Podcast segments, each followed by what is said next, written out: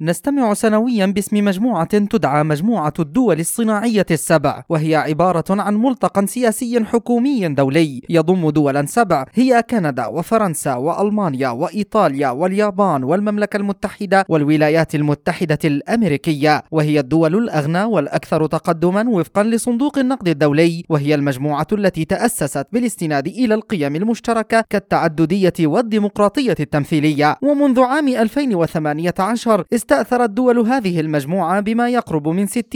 من صافي الثروة العالمية وبما يقدر ب 317 تريليون دولار وبنسبة تراوحت بين 30 و 40%